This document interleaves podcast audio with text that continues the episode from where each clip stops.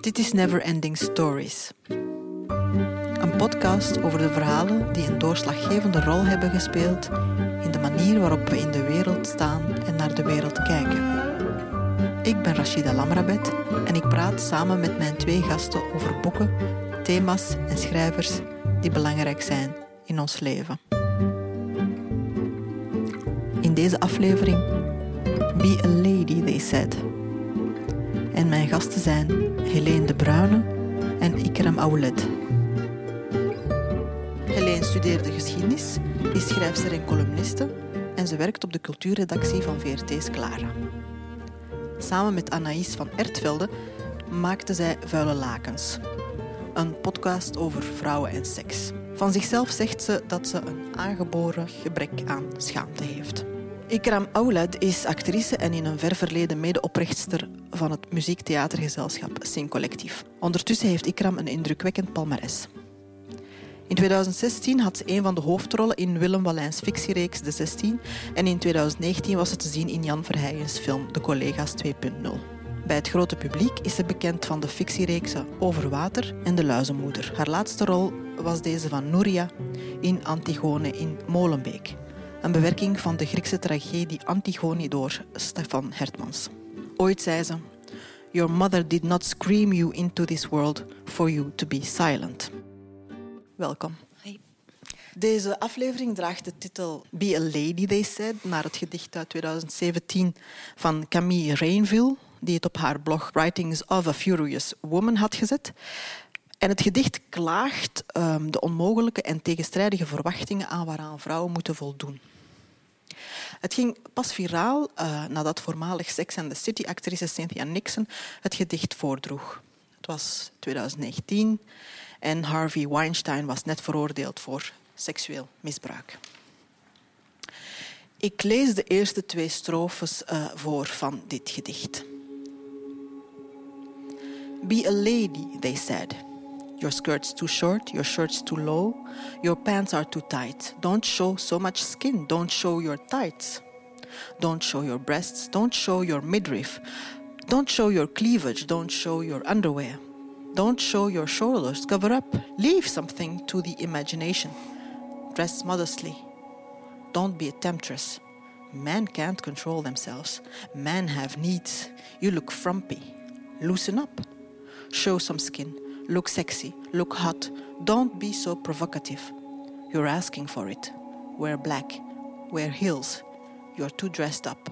You're too dressed down. Don't wear those sweatpants you look like you've let yourself go. Be a lady, they said. Don't be fat. Don't be too thin. Don't be too large. Don't be too small. Eat up. Slim down. Stop eating so much. Don't eat too fast. Order a salad. Don't eat carbs. Skip dessert. You need to lose weight. Fit into that dress. Go on a diet. Watch what you eat. Eat celery. Chew gum. Drink lots of water. You have to fit into those jeans. God, you look like a skeleton. Why don't you just eat? You look emaciated. You look sick. Eat a burger. Men like women with some meat on their bones. Be small, be light, be little, be petite, be feminine, be a size zero, be a double zero, be nothing, be less than nothing. En zo gaat dat inderdaad nog een hele tijd, tijd door. Hè.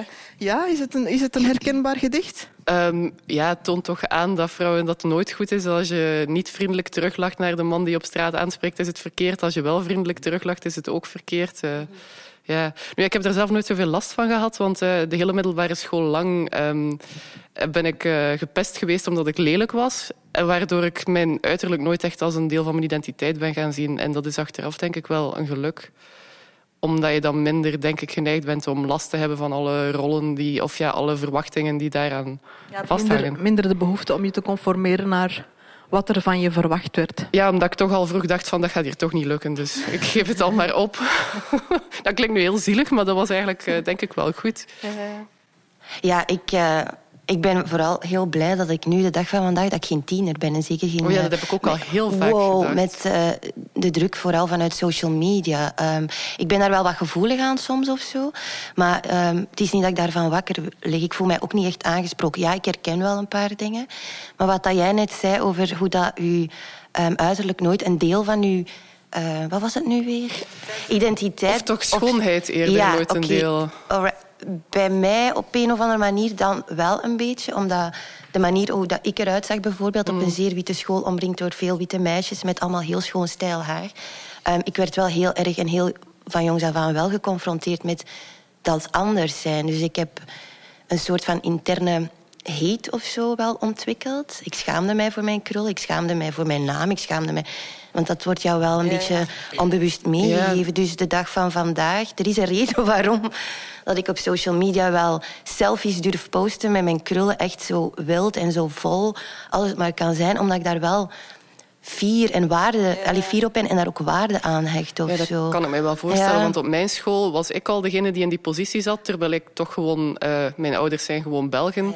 Maar ik, ben al iets, ik heb al iets meer krulhaar en ik ben al iets groter en een iets grotere neus. En dan bij gebrek aan, aan iemand die nog donkerder was, was ik al degene die in die positie werd gezet. Dus dat lijkt mij heel lastig als je dan uh, op een hele witte school zit. En, ja. ja, maar ik moet zeggen, ik, ik, zou, ik, zou, ik meen het, hè, ik zou de dag van vandaag, ik denk als tienermeisje, ik zou... Uh, Oh, ik zou het heel moeilijk Want hebben. die druk is, is on, ongelooflijk. Hè?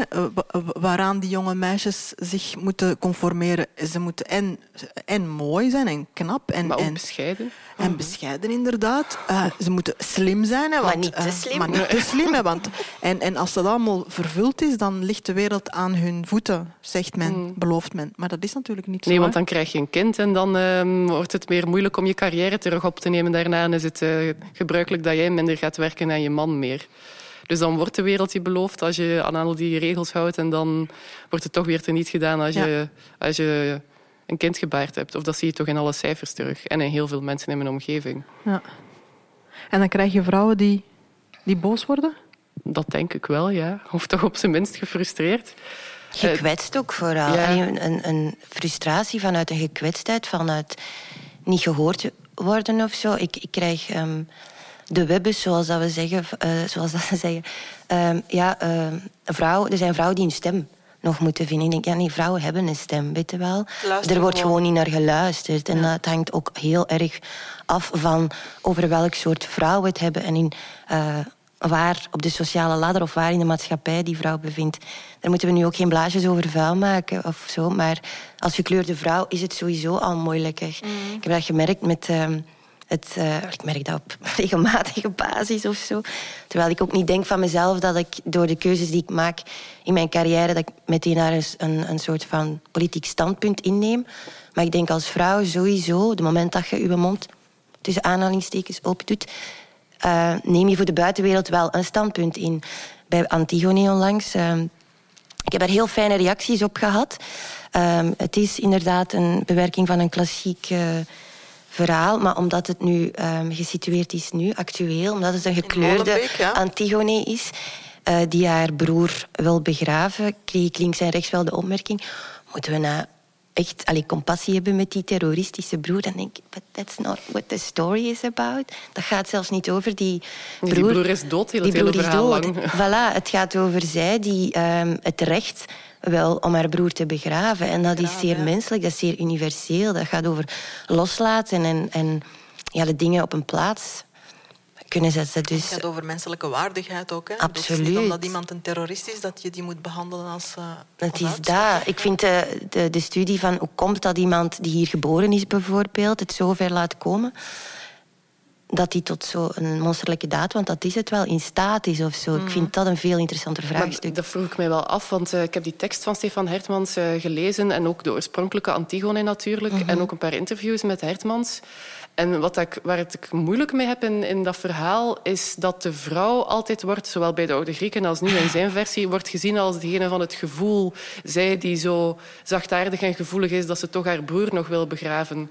Wat dan natuurlijk heel begrijpelijk is en mm. ja, het is makkelijk inleefbaar. Maar het is wel weer een beetje de typische rol die aan een vrouw wordt bedeeld van jij bent hier de emotie en, de, en daarom tart jij de redelijke wetten met die emotie. Mm -hmm. En de goden en al. Ja. En, ja. en ook dan, daar gaat ze dan aan ten onder of zo, snap je? Ja, dat is ook weer typisch. Dat is zo heel typisch. Het is, het, is, ja, het, het is een vrouw die inderdaad ehm, vanuit een emotie reageert. Maar Mhm. ik vind het wel uitzonderlijk dat ze toch de, de, de moed heeft om, om, eh, om, de, om de wetten te tarten. hè. Zeker, maar ik bedoel ook wel Antigone nu niet dissen, maar eh, Ja. het is meer van dat typisch is dat de, rol, dat de vrouw wordt eh, weggezet in de rol van degene Van die, de, die, die- degene die, die, inderdaad die vanuit... gevoelig, vanuit haar gevoeligheid reageert. spreekt. Het is mooi Ja. hoe dat jij dat nu omschrijft. Zijn gevoelig en empathisch en we begrijpen dat allemaal.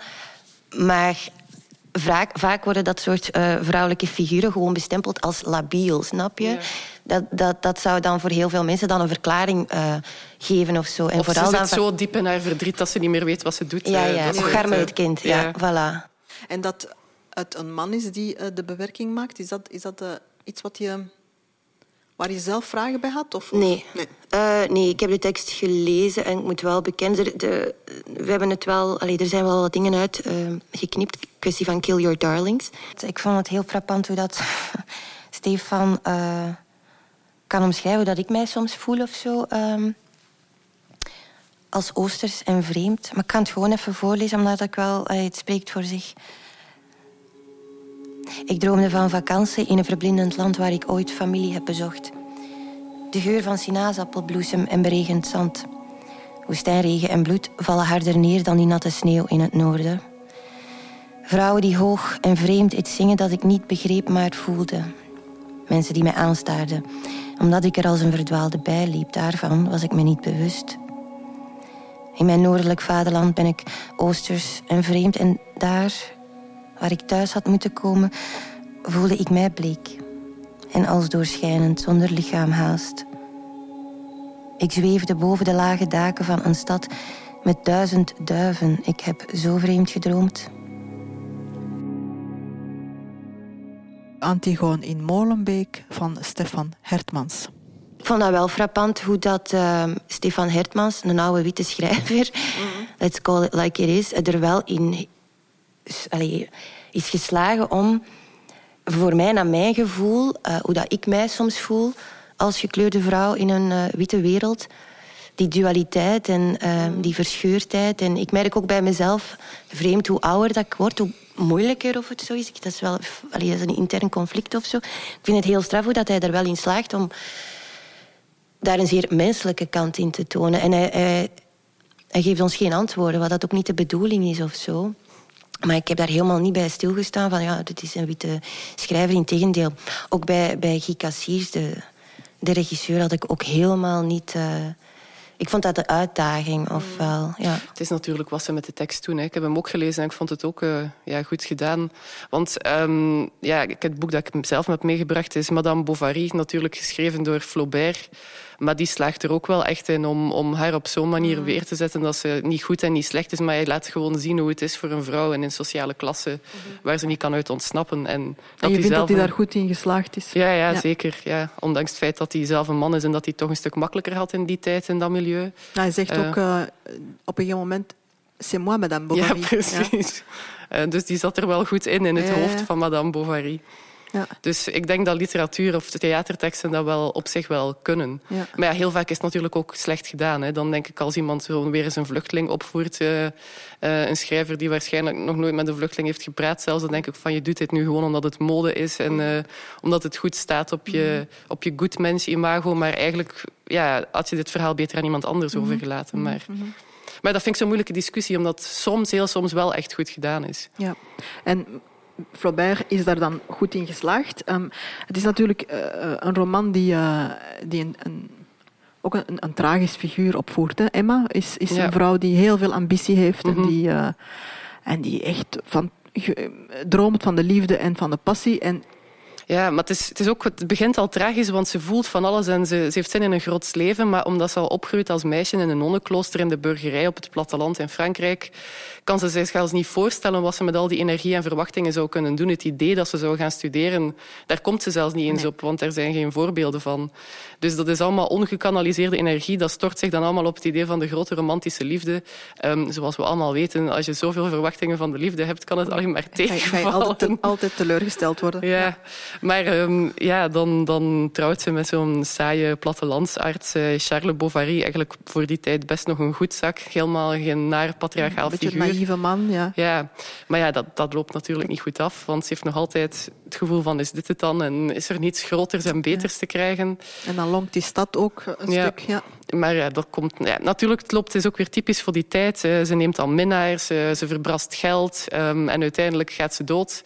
Ehm, en dat zou moraliserend kunnen zijn. Van kijk, dit is een vrouw die de gebaande paden... ehm, waar ze geen zin in heeft in, om die te volgen. En eh, dan eindigt ze dood, net zoals Anna Karenina... die zich onder een trein smijt. En er zijn er zo nog wel meer. Ja, dat is ook wat- Ja, precies. Ook slecht afgelopen. Ehm, Maar dat hebben de beide personages ook gemeen. Antigone br- brengt zichzelf ook eh, Mhm. Ja. om. Ja. Of berooft zich van het leven. Ja.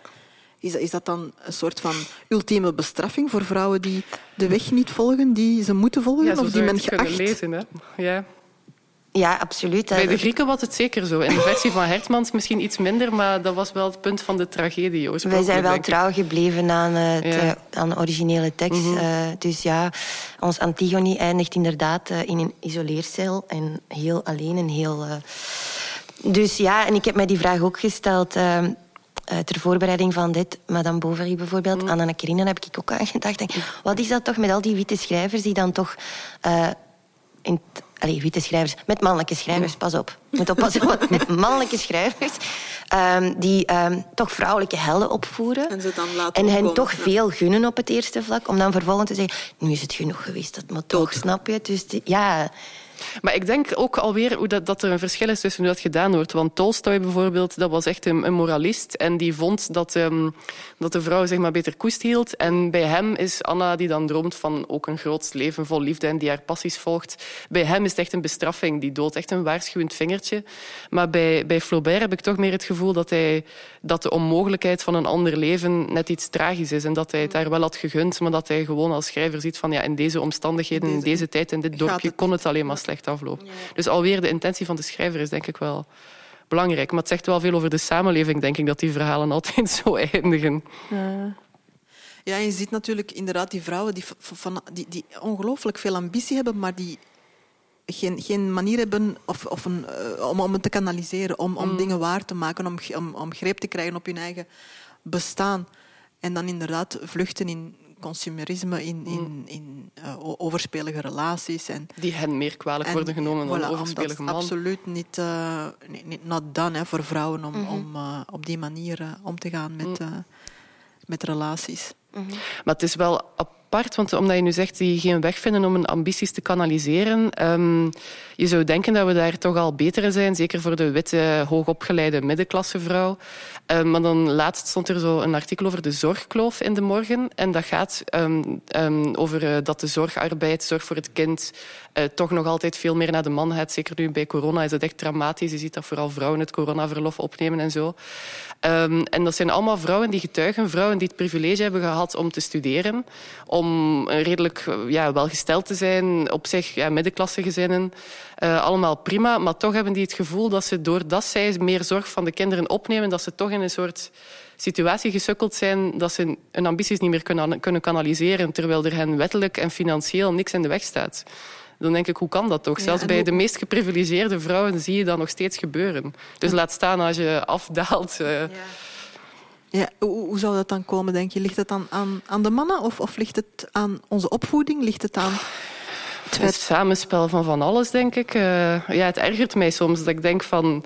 Ja, maar je kan ijveren voor, voor verbetering op vlak van wetgeving en quota's. En dat vind ik allemaal heel belangrijk en dat moet zeker gebeuren. Maar zelfs voor degenen die het eigenlijk al goed hebben, blijft er toch een soort... Zit je vast in dat er- traditionele patroon? Ja. Denk ik, willen mensen er niet uit? Of, of wat, wat is het dan? Is het gemakkelijk misschien? Misschien wel, Het ja. hoort zo. Ja. Ik denk dat het inderdaad een combinatie is. Maar toch geven ze aan dat ze gefrustreerd zijn, hè, die vrouwen. Dus je Mhm. kan zeggen, als je er echt voor kiest om voltijds huismoeder te zijn of om meer te zorgen, prima. Dus, eh, ik heb daar helemaal geen oordeel over. Maar als je dan in die situatie terechtkomt en aangeeft dat je er gefrustreerd over bent, dan is het toch ergens fout gelopen, Mhm. denk ik. Ja, ik weet niet, is, het is, volgens mij is het ook een combinatie van verantwoordelijkheden en verwachtingen. Maar ik weet niet, misschien ook met een schuldgevoel. Ik weet niet, ik ben geen moeder. Hè, Ja. Maar ik kan mij wel voorstellen, als je die keuze tussen aanhalingstekens moet maken, dat je als moeder automatisch of zo, wat dat niet zou mogen de dag mhm. van vandaag. Dus ik ja, het is ook, ik ben nu zelf eh, een jaar geleden moeder geworden en momenteel zorgt mijn uh, man meer voor, voor ons kind, omdat dat nu financieel goed uitkomt. En we hebben zo de afspraak van, als jij dan eens meer werk hebt, ga ik het mhm. doen. En als, als ik meer werk heb, ga jij het doen. Dus dat zit nu even zo. En ik merk dat het al moeilijk is om uit te leggen voor hem aan mensen. Dat ze dat ook, dat, dat, dat ook al raar bekeken wordt. Van, mhm. oh ja, en wat doe jij dan? En oh ja, jij zorgt meer voor het kind. Ja, precies, alsof dat niet echt telt als, uh, als arbeid. Ja. Mm. Nu, ik ben, ik ben zelf ook moeder en um, wat, wat, je zegt, het, het, is ook dat, dat inge, ingebakken verantwoordelijkheidsgevoel dat je hebt. Hè. Als, iemand, als je in, in, in een partnerschap bent en de ene partner laat bijvoorbeeld afweten, ja, dan moet je als moeder natuurlijk wel um, die, die, die, rol, die rol opnemen. Hè. Mm. Want anders loopt het gewoon vierkant. Ja, maar je hebt ook geen keus dan op En je hebt geen keus, nee. Dus partnerkeuze is heel belangrijk. Heel dan. belangrijk. En, en het feit dat partners of ook beseffen dat zij daar een aandeel in hebben. Hm. Maar we focussen nu inderdaad de hele tijd op ehm, vrouwen die, uh, die hun stem gebruiken, die hun stem luid gebruiken, maar uh, geven we misschien te weinig aandacht aan, aan, aan mannen. Uh, Dat we inderdaad ook zeggen van ja, die mannen zitten natuurlijk ook in een systeem en in een kader en in een, in een traditie. Moeten we hen dan ook niet op de een of andere manier proberen mee te krijgen? Ja, En hoe doen we dat dan? ja, dat vind ik altijd een moeilijke. Dat probeer ik nu al jaren om mannen mee te krijgen. En dat is toch behoorlijk moeilijk, want het, ze, ze, het is, het is, ze voelen het al snel alsof ze persoonlijk aangevallen worden. En, en daarom probeer ik heel vaak voorzichtig te zijn en ook vriendelijk voor mannen. Maar dan zijn andere feministen weer boos op mij omdat ik te vriendelijk voor mannen ben geweest. En dan denk ik, ja, maar dit schiet helemaal niet op op die manier. Ja, maar als je denkt aan de, feministische strijd sowieso, dat is niet alleen te voordelen voor vrouwen, maar ook voor mannen, snap je? Ik bedoel, daar moeten we maar zo wordt het heel vaak niet gezien, hè? Nee, wat jij ook aangeeft, hè, als je daar eerlijk over bent hoe, hoe dat jongens of, of jonge mannen tegenwoordig, of al langer toch, uh, worden opgevoed van stoer moeten zijn en geen emotie tonen, geen mhm. empathie en dit en dat, zorgt ervoor dat je een zeer toxische relatie zou kunnen krijgen en al dat. Maar um, nee, maar wat jij ook aangeeft, veel vrouwen denken daar vaak ook anders over of zo.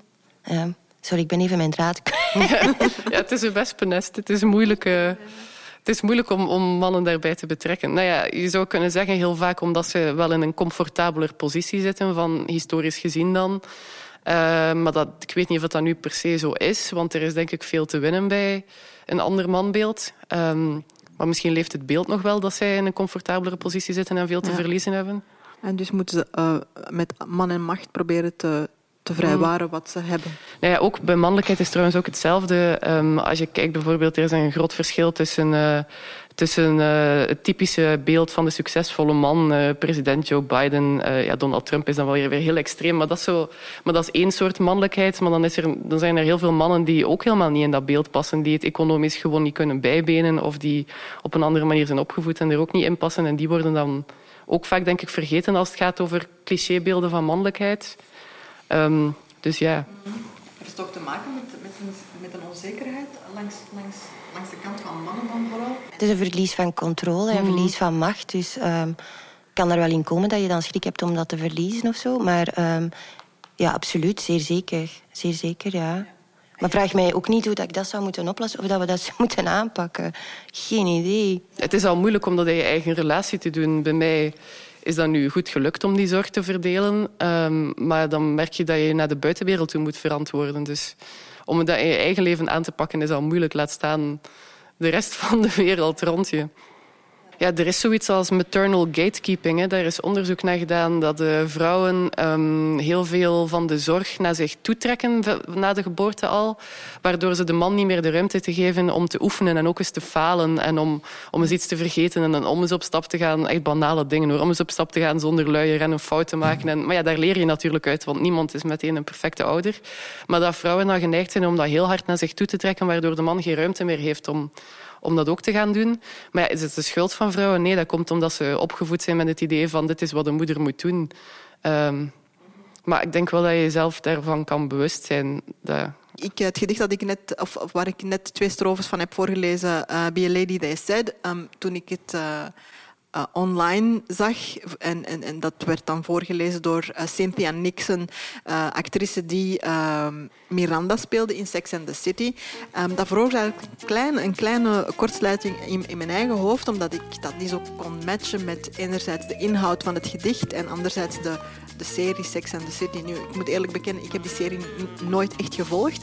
Maar um, als ik dingen daarover lees, en, en, dan is dat toch, lijkt me dat een serie die net heel erg cliché bevestigend is. Hè, die het heeft over de, de, de volmaakte uh, New Yorkse uh, jonge vrouw die het geld heeft, die ja. vrij is, die, maar die toch um, beantwoordt aan dat beeld van hoe een, een, een, vrouw moet zijn. Ja. Namelijk heb jij mooi. Kijk naar je tienerjaren, want ik heb dat echt uh, verslonden toen ik een tiener was. Uh, tienerjaren?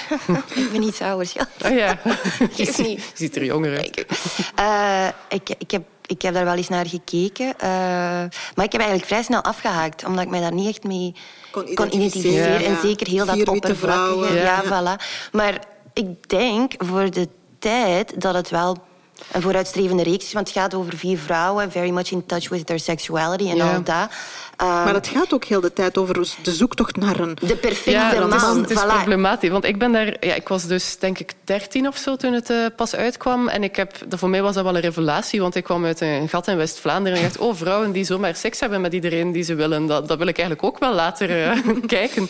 Maar dan later dacht ik... Eerst, eerst dacht ik van, hé, maar waar halen die hun geld vandaan? Want die hebben allemaal... Ja, en dan zijn ze, zijn ze ook vaak heel bevooroordeeld, want biseksualiteit dat is zoiets raars. En inderdaad, toch is er nog altijd dat romantische ideaalbeeld. En daar zijn ze ook nog altijd naar op zoek. Dus ja, het is wel belangrijk geweest, maar het heeft ook heel veel problematische aspecten. Ja. Um, ja, en, die, en dat uiterlijk. ze zijn ja. natuurlijk allemaal perfect. Hè? Perfect. Ja, ik denk niet dat je de, de dag van vandaag... En... Ja, maar ik denk dat je de dag van vandaag is het gewoon niet meer verantwoord om nog zoiets te maken of zo. Maar ik weet niet, heb je Emily in Paris uh, gezien? Ik heb nee, bij wijze wel van... de recensie. Dacht, ja, nee. Ik heb bij wijze van antropologische studie een paar afleveringen gekeken. En ja, dat is misschien ietsje bewuster dan Sex and the City, maar echt niet veel hoor. Uh, ja. qua, qua vrouwbeeld en uh, ja... Dus, dus dat soort niet... van series en verhalen en narratieven gaan ons geen stap verder Nee, maar die blijven wel populair, dus dat mm. blijven wel... Uh... Die blijven inderdaad wel overheersen, dus uh, dat spreekt niet uh, Maar dat is wel, het is wel interessant, want Sex and the City... Ik weet niet, volgens mij wijst het op een probleem dat we al sinds de seksuele revolutie hebben van... Uh, we zijn dan zogezegd bevrijd van de pastoor en, en alle andere normen, zogezegd. Hè, want dat is ook maar heel relatief en voor een kleine groep mensen. Mm. Maar we hebben daar niks interessants mee gedaan met die vrijheid. Want de, de, de commercie heeft zich daar al snel op geplaatst of, of op gezet en gedacht van ah, hier valt geld mee te verdienen met al die stukjes vrouwenlichaam en die allusies op seks en zo. Maar er is niet goed nagedacht geweest over wat dat prettige seks echt is voor beide partijen en hoe dat je consent vraagt en geeft. Dat is allemaal het is meer van joepie, vrijheid. En als, ja. als, als, uh, als kleuters zijn we daarmee omgegaan. En mm. Sex and the City is er denk ik een voorbeeld van. Ja, die vrouwen hebben dan wel de vrijheid om seks te hebben, maar doen ze er iets interessants mee? Niet, Niet echt. echt, nee. Zeker niet als Mr. Big centraal staat. Ja, precies. Dan is iedereen aan het zwijmelen. En, en daarom vind ik het soms een beetje hypocriet als we, erop, als we dan graag doen... Uh, zo in het, onze westerse kernwaarden. Wij hebben toch de seksuele revolutie gehad en wij zijn bevrijd. En andere culturen gaan veel achterlijker met seks om. Maar ik heb nu toevallig veel over seks uh, bestudeerd en gelezen. En ik vind dat dat bij ons nauwelijks beter is. Of eigenlijk helemaal niet beter. Het is mm-hmm. gewoon... We hebben zogenaamd een bevrijding gehad, maar die heeft ons weinig opgeleverd. Uh. Natuurlijk, de homorechten en zo, dat is, dat is, uh, dat is belangrijk en, en, goed. Maar als je wat dieper gaat graven, zitten er nog heel veel vooroordelen en angsten en onzekerheden. -hmm. Herken je dat? Goh, um, ja, nee of zo. Ik weet niet. Maar ik moest ineens denken aan... Uh, kan niet op haar naam komen. Een, uh, een Tunesisch-Hollandse sociologe. Uh, Darmouni. Ik denk oh, ja. het. Darmouni. Ja. Uh, een... Die met haar dans van de zeven Ja, dat zou kunnen zijn. Maar... van het ehm, archief voor... Of was. Of was, ja, in ieder geval. Ja, ik weet maar het, gaat, het, was een stukje van een interview over de menopauze. Hè? Want ja, als vrouw, als je, eens dat je de menopauze, en zeker vanuit de westerse cultuur, en dat wist ik totaal niet, uh, wat dat zij daar vertelde. Maar bon, um, over hoe dat je nog heel erg begeert en heel erg dit. Maar eens dat je in de menopauze zit, dan zijn een beetje seksueel ook afgeschreven. Dan, mm. dan haken mannen af. Maar wat blijkt nu? Dat uw libido... Denk je, ik heb nog wat te gaan. Uh, uw libido schiet wel de hoogte in. En de reden is waarom dat vrouwen eigenlijk worden afgeschreven... is omdat mannen gewoon niet kunnen bijbenen. Blijkbaar. Omdat een vrouw zo... Dan echt wel in de bloei van haar... Ja, en dus als reactie daarop zijn ze bang dan. Ja, en dan, effectief. Het is interessant, want dat vrouwbeeld van um, dat vrouwen in de menopauze niet meer seksueel zijn en dat vrouwen uh, de prooi zijn en seksueel ja. een beetje schuchter, dat is eigenlijk redelijk nieuw. Dat is pas sinds de 18e eeuw dat dat er is.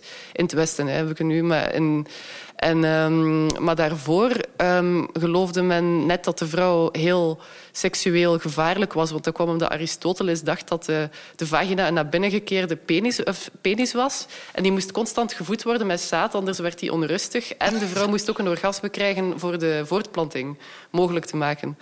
Dus toen hadden ze zo het beeld dat de vrouw een, een soort um, ja, onverzadigbare, seksbeluste um, iets was. Mm -hmm. Dat heeft natuurlijk ook zijn nadelen, want als, uh, dat, dat, dat is dan gevaarlijk en dat moet dan opgesloten en beteugeld worden. Mm -hmm. Maar het is wel een heel ander beeld dan, dan wat er nu is.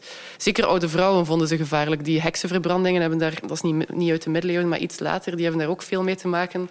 Die angst voor oude vrouwen, ze waren bang dat die op seks belust waren te veel. Ook ja, dat ze te veel vragen stelden en te onafhankelijk waren, maar dat seksuele speelde ook mee. Mm -hmm. Dus toen wisten ze wel nog dat vrouwen die ouder werden um, net heel seksbelust kunnen zijn. Mm -hmm. Alleen was het dan ook weer negatief, maar... We belanden ze op de brandstapel. Ja, precies. Maar ze wisten tenminste dat ze wel nog zijn hadden ingereikt. Ja, ja. het, het, idee dat, dat, de seksualiteit van vrouwen ook um,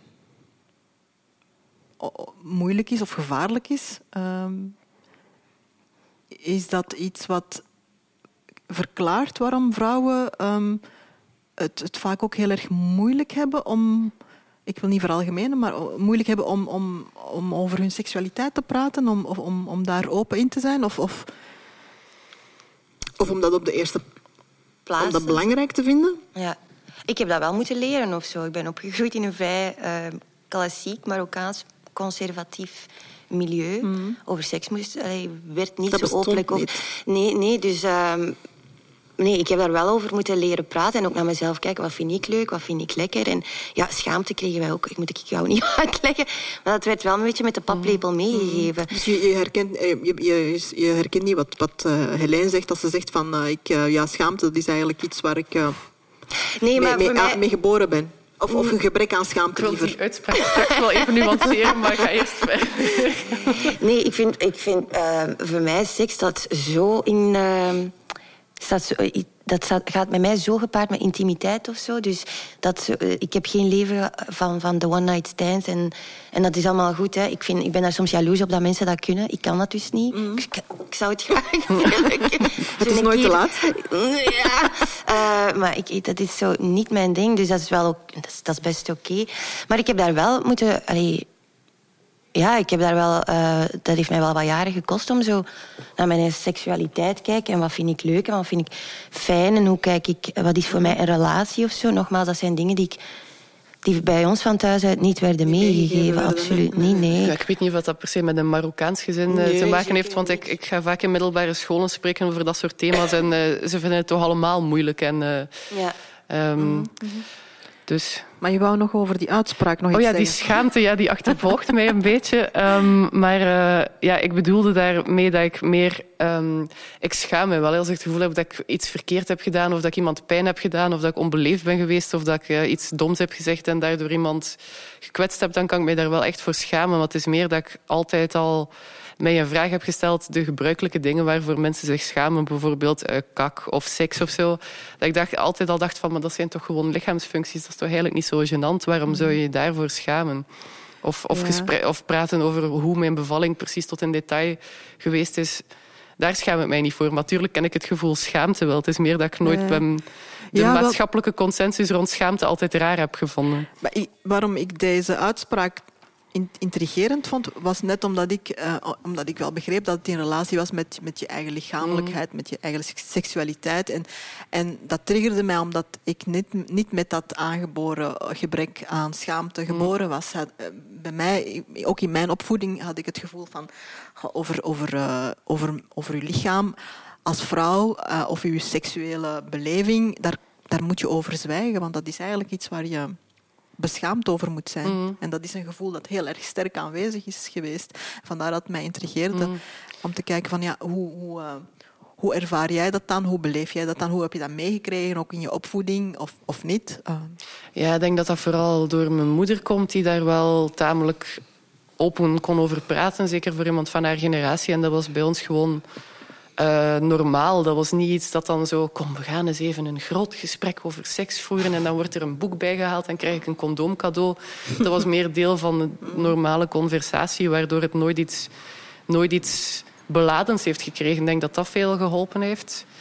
Um, ja, ik wil trouwens ook nog zeggen, vrouwen worden heel veel schaamte aangepraat rond seksualiteit, maar mannen trouwens ook hoor. Dat is ook echt, uh, als je probeert een eerlijk, openhartig gesprek met mannen over seks te voeren, is ook dramatisch.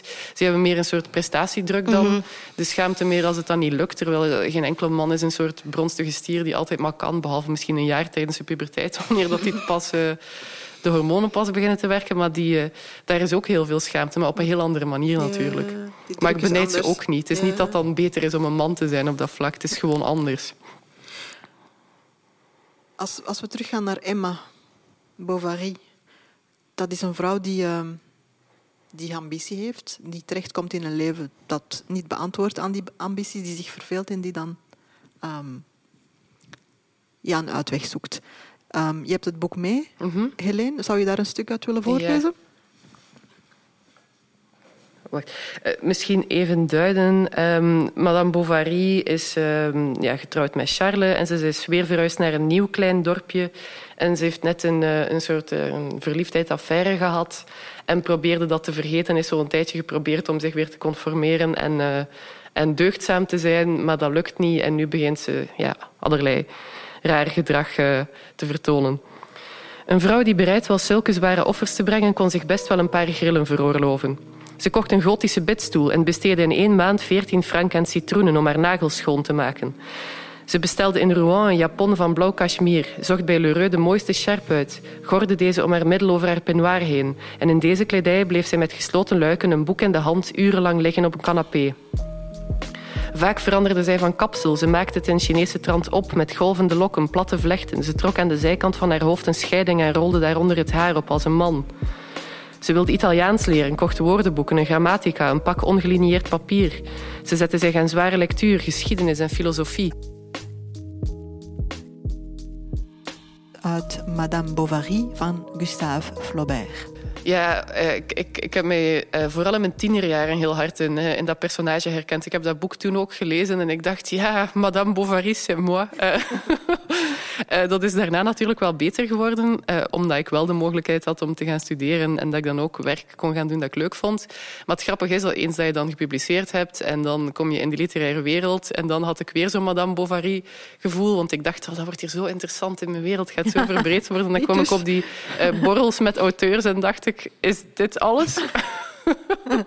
dus toen uh, moest ik weer een, uh, kwam ik weer in, in zo'n... Uh, van oei, is dit het dan? Maar, weer een illusie armer. Ja, precies. Maar dat is op zich wel interessant geweest. Dat was een interessante leerproces. Ja.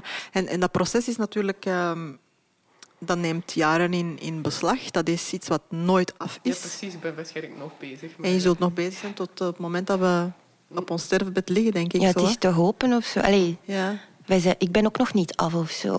Nee. nee. Maar wanneer, wanneer, als je zou kunnen dromen, wanneer zou, zou het dan wel af kunnen zijn? Wanneer zou je zeggen van goed, dit is zo zoals het moet en zoals het hoort? Of voor jezelf? Maar als mens of als vrouw ben je nooit af. Ik bedoel, je komt op, uh, op je weg kom je telkens obstakels tegen. Ik heb dat toch. Ik denk van, ah, I got my things together ja. nu. En dan kom je wel iets tegen. Dus de, het is de manier hoe dat je hoe dat ik mij daar tegen verhoud en hoe dat ik mij daar tegen opstel. Ik weet nooit op voorhand wat er morgen gaat gebeuren. Dus ik weet nog minder hoe dat ik mij... Maar het is spannend. Het is niet iets wat Het is soms ook wel vermoeiend, want ik wil gewoon even af zijn. ik, ik, wil het nu even wel weten. Ja. Uh, nee, absoluut niet. Maar um, ja, ik heb iets bij wat ik eigenlijk heel graag wil voorlezen. Ja. Omdat ik vind dat zo fijn om te horen van Helene, die zich dan zo herkent in Madame Bovary, of daar toch veel uh, mee te maken heeft gehad. Maar wat ik moet denken aan een ander werk van Amy Tan. Um, haar roman The Joy Luck Club, die ooit verfilmd is geweest, begin jaren negentig. Ik denk dat ik 14 of 15 was. Het was heel lang geleden toen ik hem voor het eerst zag. En tot op de dag van vandaag heeft dat nog altijd dezelfde invloed of zo op mij. En dat... ehm, de Joy Luck Club gaat eigenlijk over vier eh, Chinese American immigrant moms ehm, in relatie tot hun dochters. Dus je krijgt het verhaal van migratie, je krijgt het verhaal van eh, de clash der culturen, maar vooral ook gewoon de moeder-dochterrelatie. De verwa- verwachtingen tegenover elkaar, de verwachtingen eens dat ze naar het beloofde land en De dingen die de moeders meegeven, doorgeven. ja, ehm, bewust, maar ook vooral onbewuste dingen die verteld worden, maar vooral de dingen die, niet verteld worden en de, de, de sporen die het nalaat op die relatie en bij die dochters. ehm. en ik weet, ik zeg het, de eerste keer dat ik die film zag, die is geregisseerd door Wayne Chang, geloof ik. Ehm, dat heeft zo'n diepe indruk op mij nagelaten. Omdat het eerst en vooral voor de eerste keer voor mij was. Omdat ik een verhaal zag, een film zag... waarin ik mij zo hard herkende in alle achterpersonages. Dus zowel die vier dochters als die moeders, wat ik heel frappant vind. Eh, de relatie met mijn eigen moeder, de relatie met mijn cultuur... de relatie eh, met mezelf en naar de buitenwereld toe... Ehm, Mag je daar een klein stukje... graag. Ik, het is wel in het Engels. Ik dacht, ik ga een beetje vreemd. Doe een beetje Is raar. toegelaten. Ehm, Ken je het boek? Nee, en de film ook niet. ik, de, het, de eh, film is van ille- 394. illegaal downloaden als ik thuis kom. Ja. Ehm, het is eigenlijk de beginmonoloog ehm, ja, van, het, van het boek, maar ook ehm, in de film.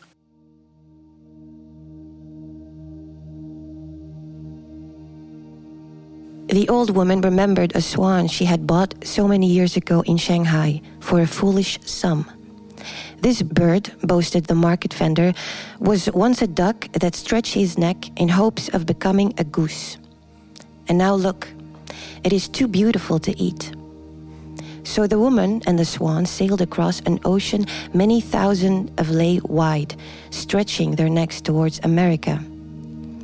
On her journey, she told the swan, In America, I will have a daughter just like me. But over there, nobody will say her worth is measured by the loudness of her husband's belch. Over there, nobody will look down on her because I will make her speak only perfect American English. And over there, she will always be too full to swallow any sorrow. She will know my meaning because I will give her this swan, a creature that became more than what was hoped for. But when she arrived in the new country, the immigration officials pulled the swan away from her, leaving this woman fluttering her arms and with only one swan feather for a memory. For a long time now, the woman had wanted to give her daughter the single swan feather and tell her, This feather may look worthless, but it comes from afar and carries with it all my good intentions.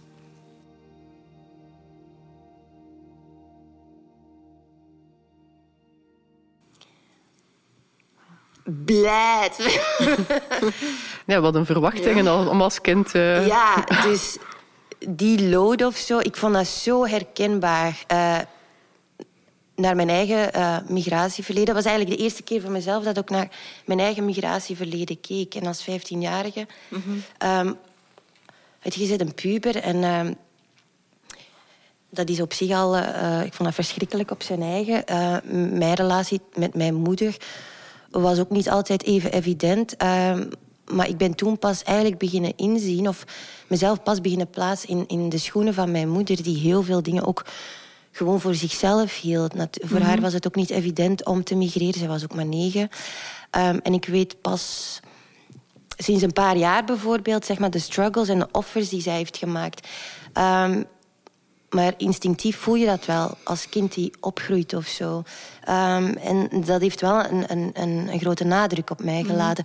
En die film, nogmaals, dat is 20, meer dan twintig jaar geleden. Ik vond dat f- zo frappant hoe dat, dat zo herkenbaar was. Ehm, terwijl het speelt zich mijlenver van mij vandaan. ja. Het gaat ook over een Chinese-American family. Maar in C gaat het eigenlijk over ehm, ja, moeder-dochter. Het gaat over loslaten, het gaat over tradities, het gaat over willen vasthouden. Het gaat over verwachtingen, het gaat ook over eh, assimileren en toch proberen te integreren. Het gaat over Zoveel. Het gaat over zoveel. En, en het idee van ouders en verwachtingen is, is een universeel verhaal. Dat absoluut, zelfs, uh, absoluut. Ja, inderdaad, Wat daar wel, bij komt, denk ik... Het is, eh, ik vind ook niet dat het een wedstrijd moet zijn of zo, maar zeker als kinderen van migranten. Ik denk, de moment dat je daadwerkelijk beseft wat je ouders, en vooral in mijn geval mijn moeder, dan heeft opgeofferd. Het moment dat je dat beseft, hoe ouder dat je dan ook wordt. ehm, ja, dat, je draagt daar een soort van schuldgevoel. Je probeert de verwachtingen in te lossen. Maar at the end of the day, net zoals eh, met een wil je ook je eigen weg gaan of zo. En ehm, dat strookt niet altijd natuurlijk met hun verwachtingen, wat inderdaad universeel is. Alleen voel ik soms wel dat... ehm, Maar er staat misschien meer op het spel omdat er meer opgegeven is, wat ja, het nog zwaarder absoluut. maakt. Ja. Ja. Het is een soort van eh erfzonde, mag ik het zo noemen? Dat je, dat je als dochter van migranten mee, meedraagt. Hè? Of een soort van groot, zwaar, complex schuldgevoel. Om, om inderdaad dat, dat gevoel of dat beeld dat je ouders voor ogen hebben gehad voor jou als kind eh, toch nog waar te maken. Ik bedoel, je zegt zelf van oké, ik ben als vrouw nooit af, als mens ook nooit af, maar misschien en dat is ook, daar kan ik mij volledig in vinden. Maar voor, voor ouders die natuurlijk zoveel opofferingen doen en die de oceanen of de zeeën oversteken om hun kinderen een beter leven te hebben, die hebben natuurlijk een heel duidelijk beeld van wat dat kind moet zijn dan. Hè? ja. En, en, en die contradictie is heel moeilijk. Hè? Dat is heel moeilijk natuurlijk. Ik ben ook, in mijn geval ben ik de oudste uit een zeer groot gezin. Dus ik, ik was, ik ben heel lang eh, de zeer brave, ehm, volgzame dochter geweest. Maar dan kom je op een punt, denk je, oeh, what about me? Ehm, en bij ons eh, werd er niet altijd eh, over gevoel gepraat of zo. Dat, dus dan is dat voor, is voor hen ook heel moeilijk geweest om in te zien van... oei, ja, die, die gaat nu een heel andere... die maakt heel andere keuzes en dit en dat. En, ehm, en ik weet dat dat voor hen ook niet makkelijk is of zo. Maar wat dat veel mensen ook gewoon niet inzien, is dat migratie op zich traumatisch is. Ehm, daar in, ik denk voor mijn generatie, daar werd nooit echt over, eh, over gesproken. Dat is pas... Dat is een fenomeen van de laatste jaren. Hè. Ehm, er zijn ook niet veel eh, therapeuten zeg maar, eh, die daar gevoel mee hebben, die daar referentiekader niet mee hebben. Voor mij was dat super frustrerend om een peut zeg maar, te vinden die dat begreep. Want mijn eerste witte peute, dat was alles werd. Ehm Alles was de relatie met je moeder of zo. Ja, ja, een beetje. dat moet ik nu wel ook wel bekennen. Maar niet alles was dat. Ehm, allee, ehm, Dat ik te maken heb met racisme, dat ik te maken heb met niet goed weten waar ik, hoe dat ik in mijn hoofd zit. Dat ik niet Ja, weet de meeste therapeuten hebben al geen benul van gender. Dus laat, Ja, staan, dat ze, laat staan dat ze daar... eh, Sorry, ik wil nu niet Nee, alle nee. therapeuten afvallen, maar... het zit niet in de opleiding, zeg maar. Nee, maar dat is wel dat is een fenomeen, daar ben ik heel blij en vooral opgelucht. eh, omdat dat wel iets is dat de laatste tijd eh, enorm bespreekbaar krijgt, is. ja, absoluut. En ik hamer zo hard op het, eh, het nut van safe spaces. Ehm, eh, en ik ben ook heel blij dat ik dat heb. Een groep van vrouwen met een gelijkaardige achtergrond. ehm, die regelmatig samenkomen. En wij moeten daarover, daarover niet uren met elkaar over babbelen. Soms Je moet niks uitleggen. Nee, Nee. dat is heel, soms ook helemaal niet. En we kunnen ook best lachen. Dat is ook een manier om de dingen te relativeren over onze om miserie en de jeugd en de dit en de dingen die wij meemaken. Ehm, ik, ik, ik, voor mij is dat zo van groot belang. Los van wat de, de maatschappij denkt of wat mij oplegt. Maar het, het nut van die eh, safe spaces, waar dat gewoon kunt zijn. Ja, en dat je inderdaad eh, En- kan, kan spreken zonder dat je dingen moet gaan eh, tot in den treuren uit te leggen Ja, natuurlijk. voilà, hè. En dat, dat men begrip heeft voor bepaalde pijnen die, Ja. eh, die te maken hebben met inderdaad dat migratieverhaal, maar ook met, met, met racisme. Het is inderdaad pas iets van de laatste tien jaar dat men erkent dat racisme ook een trauma veroorzaakt bij degenen die het, moeten, die het meemaken. En dan heb je bijvoorbeeld therapeuten die eh, met een met een andere achtergrond, hè, zoals Birsen Taspinar, Turkse therapeuten, die daar wel oog voor heeft. Hè. Ja. En zo zijn er, godzijdank, nog een, Nog een aantal, ja. Eh, inderdaad, want als we het over racisme hebben, dan eh, gooien ze tegen... Allee, ze gooien met zoveel statistieken en cijfers van... Ja, inderdaad, het is moeilijk om een job te vinden. Ja, op de arbeidsmarkt, ja, dit en dat. Maar men heeft het zo weinig, of tot bijna niet, tot de mentale weerslag. Ehm, er bestaat ook zoiets als internal racism. En ik, dat is iets dat ik dan bij mezelf paar jaar geleden heb ontdekt van fuck, jong, echt waar. Als klein meisje op school. Ja, dat je je daadwerkelijk schaamt voor de krul die ik nu... Allee, ik zou niet zonder willen. Dat, ja, Ja, het is, ehm, Of mij schaam voor mijn vader die mij komt halen. Ik, ik mijn- heb mijn naam veranderd eh, op de eerste schooldag in Oh, de middelbare school. Wat? Ik eh, sprak mijn naam Rashida uit en mijn witte klasgenootjes verstonden er niks van. wat heb je ervan gemaakt? Rachel. Nee. Voor één dag, want daarna ben ik... De tweede dag heb ik eigenlijk eh, gevochten met, met, eh, met twee van mijn klasgenootjes. Mhm. En dan ben ik naar de directeur moeten gaan. En toen heb ik gezegd van, fuck it, ik, eh, ik pas mij helemaal niet meer aan. Ja, want het heeft toch geen zin. Het heeft geen zin. Ja, je Nee. hoort er toch niet bij. Oh, de eerste schooldag. De eerste schooldag. Dat is zo moeilijk. Dat is, Ja. dat is, dat, ja, dat heb ik ook gehad. Ik, ik, ben, eh, ik was als de dood voor als ze zo de aanwezigheidsles moesten afroepen. Want ja, ik heet dan ook nog aula, dus dat is bovenaan. Ik dacht, ik zie mij daar zo zitten. Ik vind een naam, ik vind dat zo zo fundamenteel. Dat is zo uw Absoluut. identiteit. Maar, maar wel een mooi, een mooi fragment dat je, dat, je Mhm. er, dat, dat komt inderdaad wel binnen. Hè? Ja, dat, eh, Vooral met die, met die zwaan die dan achterge, ja, achtergelaten moet worden wordt- aan de douane. Ja, er wordt zoveel gezegd ook in dat hoofdstuk over die moeder, haar verwachtingen ten opzichte, ten opzichte van haar dochter. En dat is allemaal heel mooi, want ja, ik wens u het beste toe en een hoopvollere toekomst. En ze gaan jou niet uitlachen omdat je ehm, Engels spreekt met een accent. Je gaat perfect Engels kunnen spreken. Voor mij ook herkenbaar, want we spraken ook voornamelijk, denk voor Nederlands? 80% thuis, Ja. Nederlands. Dat zou dan, Maar eh, met als gevolg dat je daardoor wel ehm, je eigen culturele roots kwijt ehm, speelt, je taal en ehm, vooral de taal. Want dat vond ik zelf eh, enorm moeilijk, omdat mijn oma, ben ik heel eh, blij om, die woont hier ook. Ehm, en ja, met haar converseren, dat ging wel, maar dieper of meaningful, dat ging niet. Want ik, ik struikelde dan wel tegen een obstakel of zo, omdat de taal zo beperkt was. Ehm, ja, zo zijn er nog een paar fragmenten. Ik zeg het, die film is nu al meer dan zeker 25 jaar oud. En ik denk, de laatste keer dat ik die heb gezien is twee jaar geleden. en dan weer al dezelfde reactie. eh. ik merk ook dat ik nu rea- eh, anders reageer op andere verhaallijnen. Want het zijn echt wel... Je hebt dus de vier moeders die vertrekken vanuit eh, China. Ieder, eh elk met een ander doel en ook een andere reden om te vertrekken eh, die dan in San Francisco toe- toekomen in de jaren 70. eh voeden hun dochters op met bepaalde verwachtingen, maar ook wel eisen. De ene al wat strenger dan de ander. Ehm, en die vier mama's, dat vind ik zo frappant. Die lijken eh, in het eerste opzicht heel koppig, heel streng, ook heel zelfzeker, heel dit. Maar dat is, daar zit zo, dat is maar een laagje, want daaronder zit zoveel onzekerheid, maar ook angst naar de toekomst. Angst om hun dochters te verliezen, angst om, om hun dochters niet meer te begrijpen. Dat is... Het is, nee, het is wel... Ik moet, het is een rollercoaster van emoties, absoluut. Ja. Ik denk dat die nu wel de, eh, de film een beetje gedateerd is, want zo, er is wel een verhaallijn dat je... Dat is oké.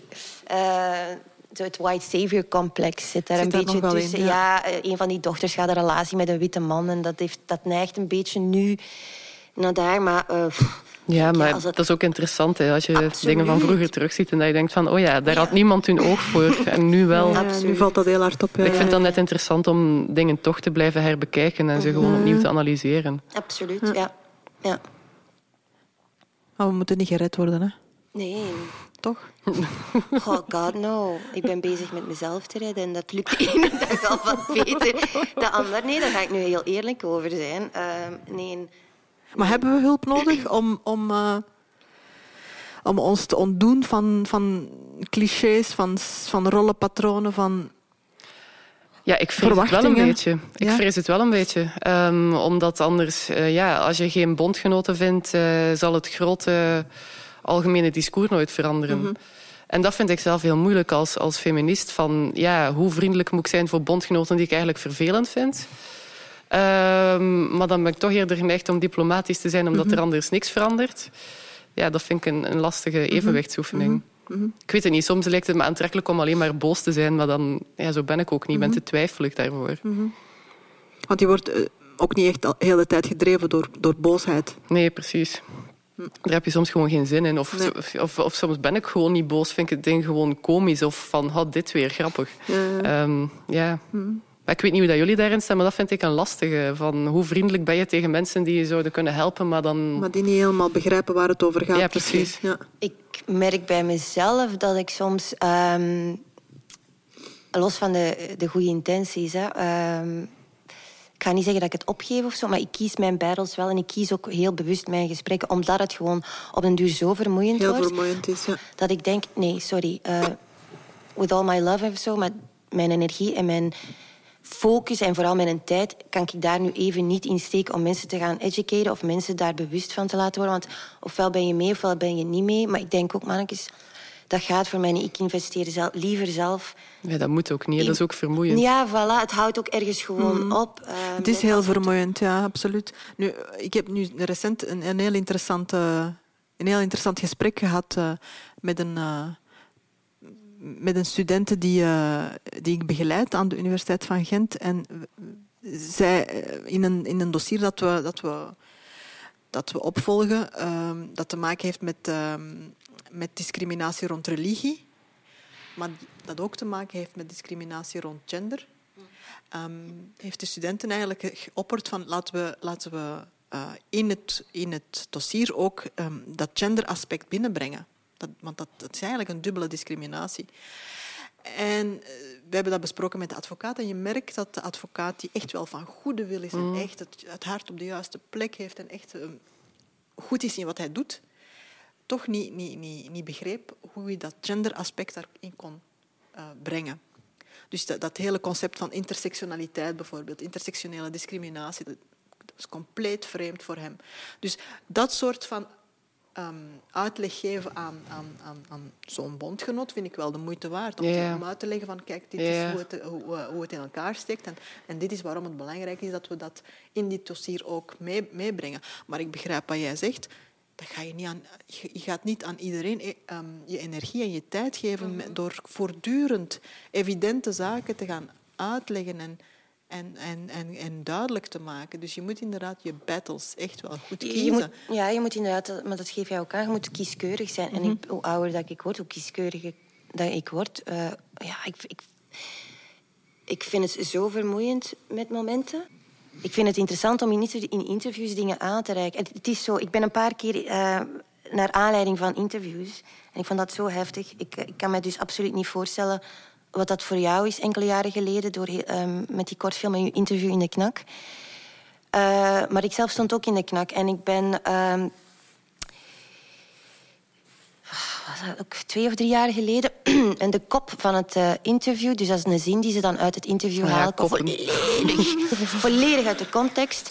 Ehm, het, was het, het is goed dat die oude witte dinosauriërs nu met de kak in de broek zitten. Oké. Ik heb ook andere dingen gezegd in het interview. Mijn interview was, eh, naar mijn mening, eh, Heel genuanceerd. heel genuanceerd. Eigenlijk zouden we moeten leren eisen dat we ook de kop mogen nalezen. Want je mag wel het interview Ja, nalezen, maar maar niet de kop. Maar ik heb mij ook vaak al enorm beklaagd over wat er dan wordt bovengezet. Dat Ik denk van, dit is één zinnetje, dat staat ingebed in een opbouw en een uitleiding. En, en, Ja, absoluut. Ja. En ja, zelfs als je heel duidelijke instructies geeft over de, wat er zeker niet mag staan in de kop, Ja. dan nog doen ze het. Hè. Ja, maar daar heb je En heel veel mensen lezen niet meer dan de kop. Maar dat is het. Dat is het dus probleem. dat vond ik zo heftig, want dat was dan ook achter een paywall. Ik ben de, de weken daarop gebombardeerd via vooral Facebook, maar ik heb ook echt dreigmails gehad. En dan denk ik, maar did you guys even read the interview? Nee. Want Nee, dat is, dus het antwoord is dus nee. Nee, dus de reactie is... De reactie is enkel op de titel en vooral op hoe dat ik eruit zie. En dat was voor mij de eerste keer dat ik daarmee te maken had. Maar ik vond dat zo van een heftigheid dat het voor mij ook wel een soort van eye-opener is. Ehm, Ik probeer Facebook te vermijden. Dat heeft mijn leven toch wel echt aanzienlijk verbeterd. Ja, Ik zet- dat, dat, voor mij, sorry, dat voor mij wel een eye-opener is van... Oké, ik, ga, ik ga mij wel niet de mond snoeren of zo. Maar om ehm, met iedereen en overal daarover in debat te gaan... Dat, Dat ga ik niet. Dat is gewoon niet goed voor mijn men- men- mental state of mind. Dat gaat, en ook puur voor mijn energie en mijn tijd. Ik denk, ik wil productief blijven. Ik wil een beetje gezond in mijn kop blijven. Ik wil, ik wil vooral niet angstig tegenover mijn medemens staan. Nu, ik heb ook wel eens aan de andere kant gestaan. Ik had een eh, column geschreven over... ehm, en ergens daarin, het ging over... ehm, ik weet niet meer wat dat was. Het ging over, over medicalisering of de, hoe dat de medische wetenschap omgaat met vrouwenlichamen, zoiets. En ik had ergens geschreven vrouwen die menstrueren. En toen waren er transpersonen boos op mij omdat ik vrouwen die menstrueren had gezegd, omdat er ook mensen die geen. En dan denk ik, ja, je kan nu boos zijn op mij en dat zal inderdaad onhandig geformuleerd zijn, maar als je mij volgt, weet je dat ik helemaal mee ben in het mhm. verhaal van rechten voor transpersonen. En, mhm. en uh, dus dan denk ik, misschien ben ik dan niet de vijand waar je je moet op richten. En dat is iets wat ik dan in, in, in, in, in meer progressieve kringen soms merk dat als ik één woord niet genoeg over nadenk of misschien onhandig formuleer, dat ik dan ook tot vijand word gebombardeerd, terwijl ik eigenlijk uh, Juist een medestander ben. Ja, precies. Mhm. En je mag me er wel op wijzen dat iets onhandig geformuleerd is. Maar, je moet, uh, maar, maar om dan... Je ja. niet gecanceld voilà, doe dat Nee, precies. Ja. Doe dat niet alsof je een vijand bent. Je, nee, ben dus je dus dat, dat, is misschien een soort overgevoeligheid soms ook. Of ja, misschien is het makkelijker dan om, om iemand dan dan mij aan te vallen dan iemand die echt een leger van trolls achter zich heeft. Want dat heb ik natuurlijk niet. En dan snap ik natuurlijk dat je boos bent over je, je maatschappelijke positie. En dan is het makkelijker om iemand aan te vallen die, die niet heel heftig terug gaat reageren misschien. Om af te ronden zou ik graag nog willen vragen wat, wat, um, wat jullie eigen ambities nog zijn? Wat, welke, wat zou je zelf nog voor, je, voor, je, voor jezelf willen wensen? Hm. Even ja, um, ik wil heel graag nog ooit eens een andere taal leren, want het is toch weer lang geleden. En dat vind ik altijd ontzettend verrijkend om meer met mensen te praten in hun eigen taal. Maar ik weet nog niet welke dan het interessantst is, maar dat is meer een soort plan.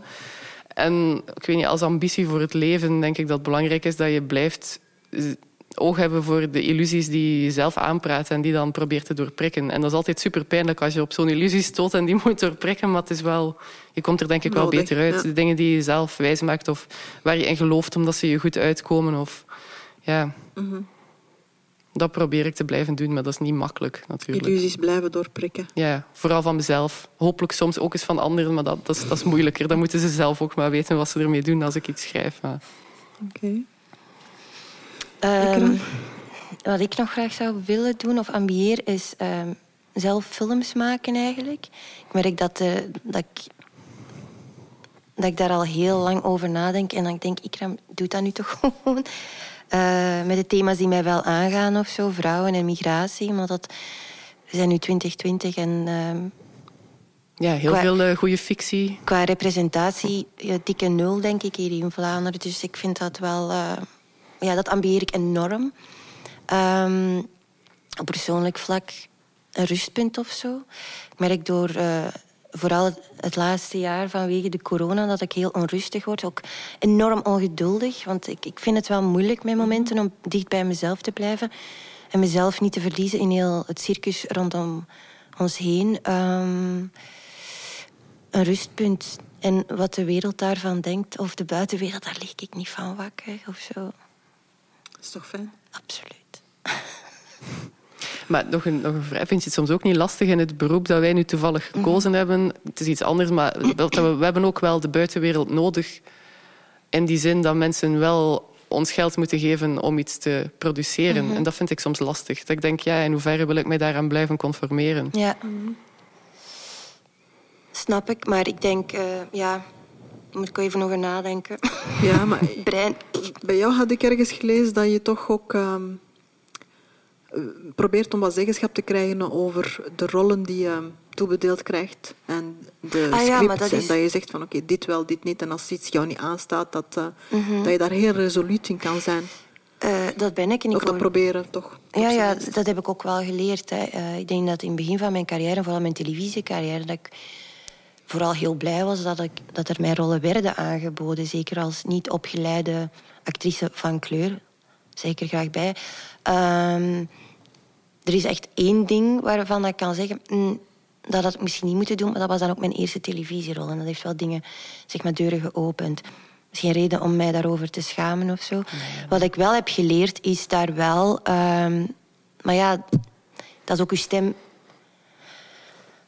vinden of zo. Dat is ook durven uw mond open te trekken en hopen dat ze luisteren. Voilà, maar um, ik ben daar wel ook uh, in gegroeid. Dus ja, nee, er zijn dingen... Ik heb geleerd van uh, niet alleen maar nee te zeggen. Ik heb geleerd van ja, oké, okay, maar.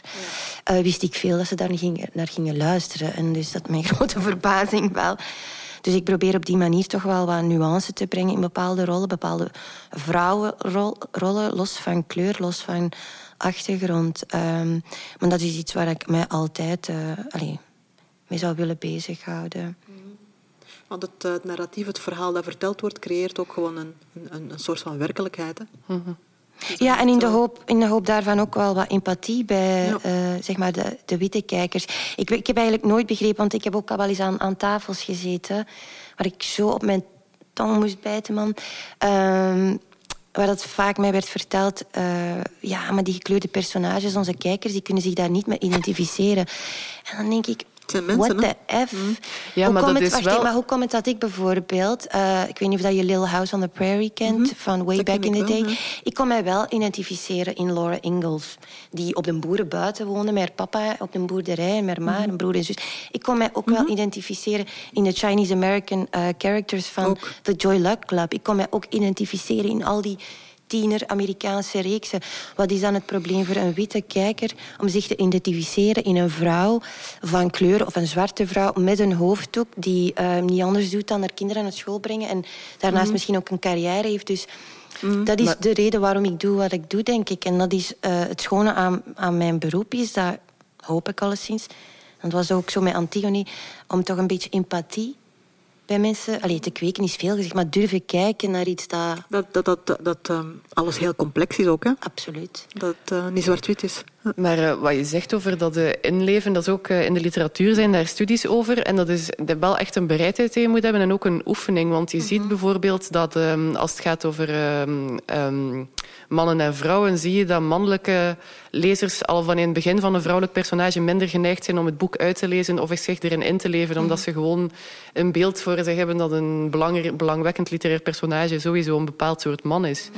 Dus het is inderdaad heel belangrijk dat er heel veel op de kijker wordt af en de lezer wordt afgestuurd. Dat anders is, omdat ze het anders gewoon denk ik niet aanleren. Want het is echt een, een soort oefening die je moet maken. Ja. Maar dan heb je natuurlijk de commerciële belangen van, van, die, van, die, ja, van de producenten die denken van ja, mensen zijn nu eenmaal zo dat ze minder geneigd zijn zich in te leven. Dus we gaan on dan maar geen moeite doen om een personage Ja, te verzinnen. eh, Die, die commerciële gemakzucht. Maar ja, dat is dus ook in de literatuur een probleem. Absoluut. Terwijl ik vind dat zelf net fantastisch aan- om te doen. Het boek dat ik nu aan het schrijven ben, is mijn hoofdpersonage. Een eh, man van eh, eind de dertig in de jaren zestig in een klein West-Vlaams dorp. Zo de typische patriarch. En ik heb daar heel veel lol mee om mij in zijn hoofd te proberen te kruipen. Ehm, terwijl die toch echt mijlenver van mij afstaat. Nog veel werk aan de winkel, maar we zijn op de goede weg, denk ik. Hè? Dank jullie wel voor dit eh, openhartig gesprek. Dank u. Jij bedankt voor de vragen. Dat is graag gedaan.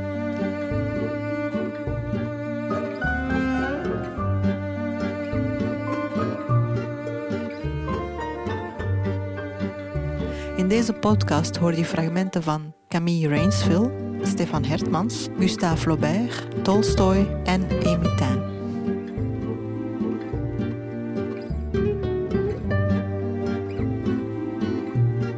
Deze podcast is een initiatief van Rose Stories in samenwerking met de buren en Vondel CS. Met de steun van de gemeente Amsterdam-West, het Nederlands Letterenfonds en Literatuur Vlaanderen. Deze aflevering werd opgenomen bij de buren in Brussel en is geproduceerd door Jelena Schmitz met behulp van geluidstechnicus Paulo Rietjens. Meer informatie over Neverending Stories kunt u vinden op www.rostories.nl.